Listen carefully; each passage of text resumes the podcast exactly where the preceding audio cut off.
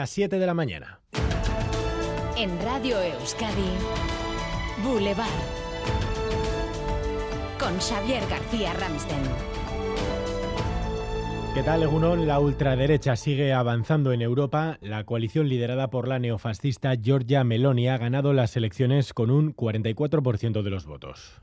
Quello che ci, quello che ci racconta questa notte è che le scommesse apparentemente En un tono muy comedido, la futura primera ministra ha destacado que ha resultado posible lo imposible y ha prometido gobernar para todos.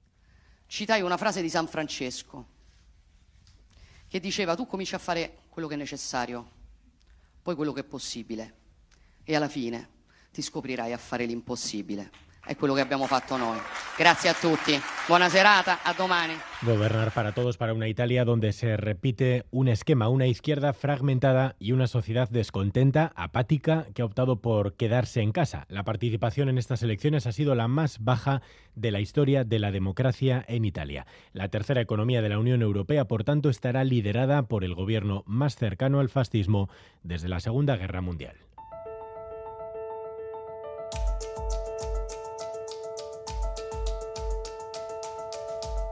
Enseguida buscamos las reacciones, eh, aunque de momento la Unión Europea guarda silencio, contiene la respiración ante el avance de una extrema derecha que ya está en los gobiernos de Hungría y Polonia, los únicos que han felicitado abiertamente a Meloni. Antes aquí en Euskadi, hoy se abre el que puede ser uno de los debates previos a las Navidades. Ante una crisis energética sin precedentes, ¿tiene sentido gastar un dineral en luces de Navidad? El Ayuntamiento de Astigarraga se lo ha planteado y ha hecho una consulta a sus vecinos. Aprovechando que la ciudadanía está un poco más concienciada, pues en vez de decidir el ayuntamiento sobre las luces de Navidad, pues hemos decidido emplazar a la ciudadanía y, y que decidan los propios ciudadanos y ciudadanas si quieren o no gastar ese dinero en las luces, de Navidad. El resultado de la consulta será vinculante, así que la decisión que tomen los ciudadanos y las ciudadanas pues, pues se respetará y se se hará lo que, lo que digan ellos. Y estamos recibiendo muchas eh, respuestas y la participación está siendo bastante buena. Así nos lo ha dicho la teniente de alcalde de Astigarraga a Radio Euskadi. Esta mañana conoceremos los resultados de esa consulta. Si no hay luces, el ayuntamiento se ahorrará 15.000 euros. El año pasado Donostia gastó 338.000 euros en luces de Navidad. La capital vasca que más gasta por habitante, Bilbao, fue la que menos. Y el debate no solo se ciñe a la Navidad. Esta mañana leemos en el diario El País que el gobierno de Pedro Sánchez exigirá revisar el alumbrado público para ahorrar.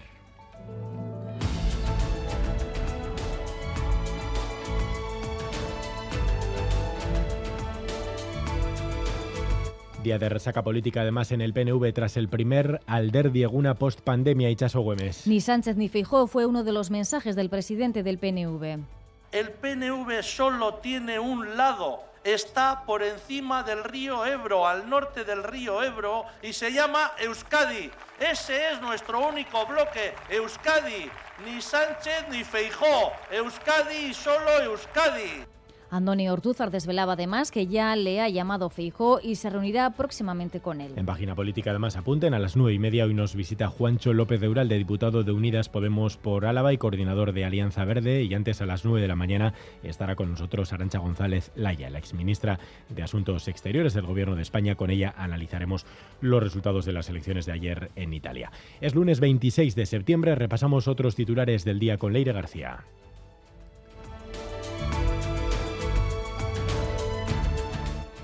En la Audiencia Provincial de Álava hoy comienza el juicio contra 10 acusados de abuso de menores en Sansoeta. Los hechos en el centro tutelado por la Diputación Foral de Álava se hicieron públicos en 2016. Según la información de ITV Media, al menos dos de los acusados han alcanzado un acuerdo con la Fiscalía para asumir los cargos a cambio de una reducción de penas. En las residencias hoy comienza la campaña de vacunación conjunta contra la gripe y el coronavirus. A partir del 3 de octubre, la opción se extenderá a toda la población vulnerable, mayores de 65 años, enfermos crónicos, embarazadas y profesionales profesionales del ámbito sociosanitario.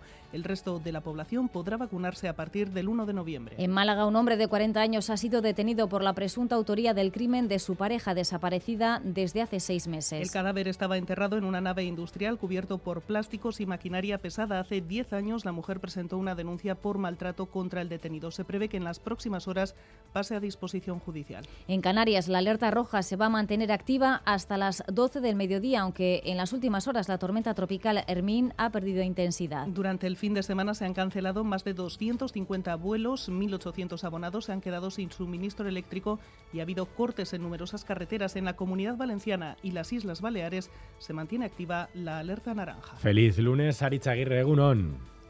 Egunon, eh, has dicho Alderdi Eguna. Sí. No, no, feliz post Andoni Eguna, que es Andoni Ortúzar, el que se encarga de hacerlos felices en el PNV. Ayer en el Alderdi Eguna, gracieta sobre H. Bildu. No sé si es porque no les gusta ya que les compare tanto con la vaca de mi Haití. ¿Te acuerdas que os acordáis que pegaba la patada al bar? También comentario sobre jocoso sobre la barba del Lendakari. La auténtica pregunta era si os gustaba más el Lendakari con barba. A mí me parece que está muy interesante. Sobre él mismo, ¿qué tiempo vamos a tener Euskalmet, Antonio Ortuzar?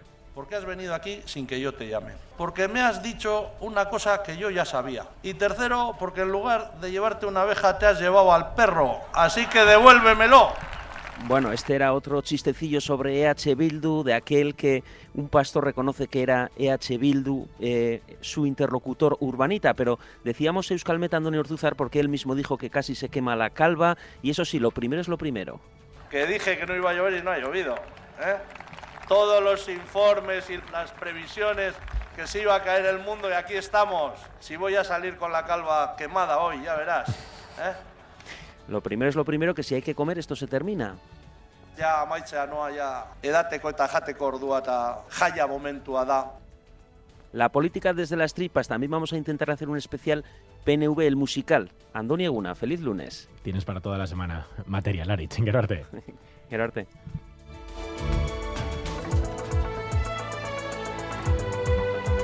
Boulevard. Gran El tiempo. Pues buscamos la previsión, no con Antonio Ortuzar, sí con Jonander Arrillaga desde Euskalmet. Egunon. Caixo. Comenzamos la semana con tiempo fresco, muchas nubes y algo de lluvia en la vertiente cantábrica. Lloverá sobre todo en la costa, ya que van a entrar chaparrones desde el mar que nos van a afectar de forma intermitente. Además, la nubosidad va a ser por momentos abundante en la mitad norte, mientras que en la mitad sur esta nubosidad va a estar más rota y por allí no esperamos precipitaciones. El viento va a soplar del oeste y noroeste y va a ir arreciando a partir del mediodía y ya al final del día va a soplar con intensidad en el litoral. Y este viento va a mantener una ambiente fresco ya que las temperaturas en general se quedarán por debajo de los 20 grados.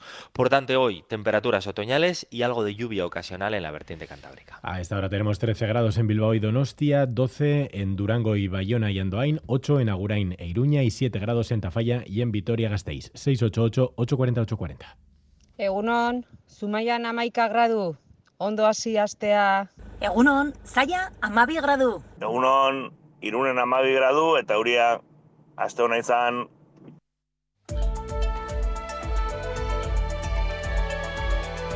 Boulevard. Tráfico.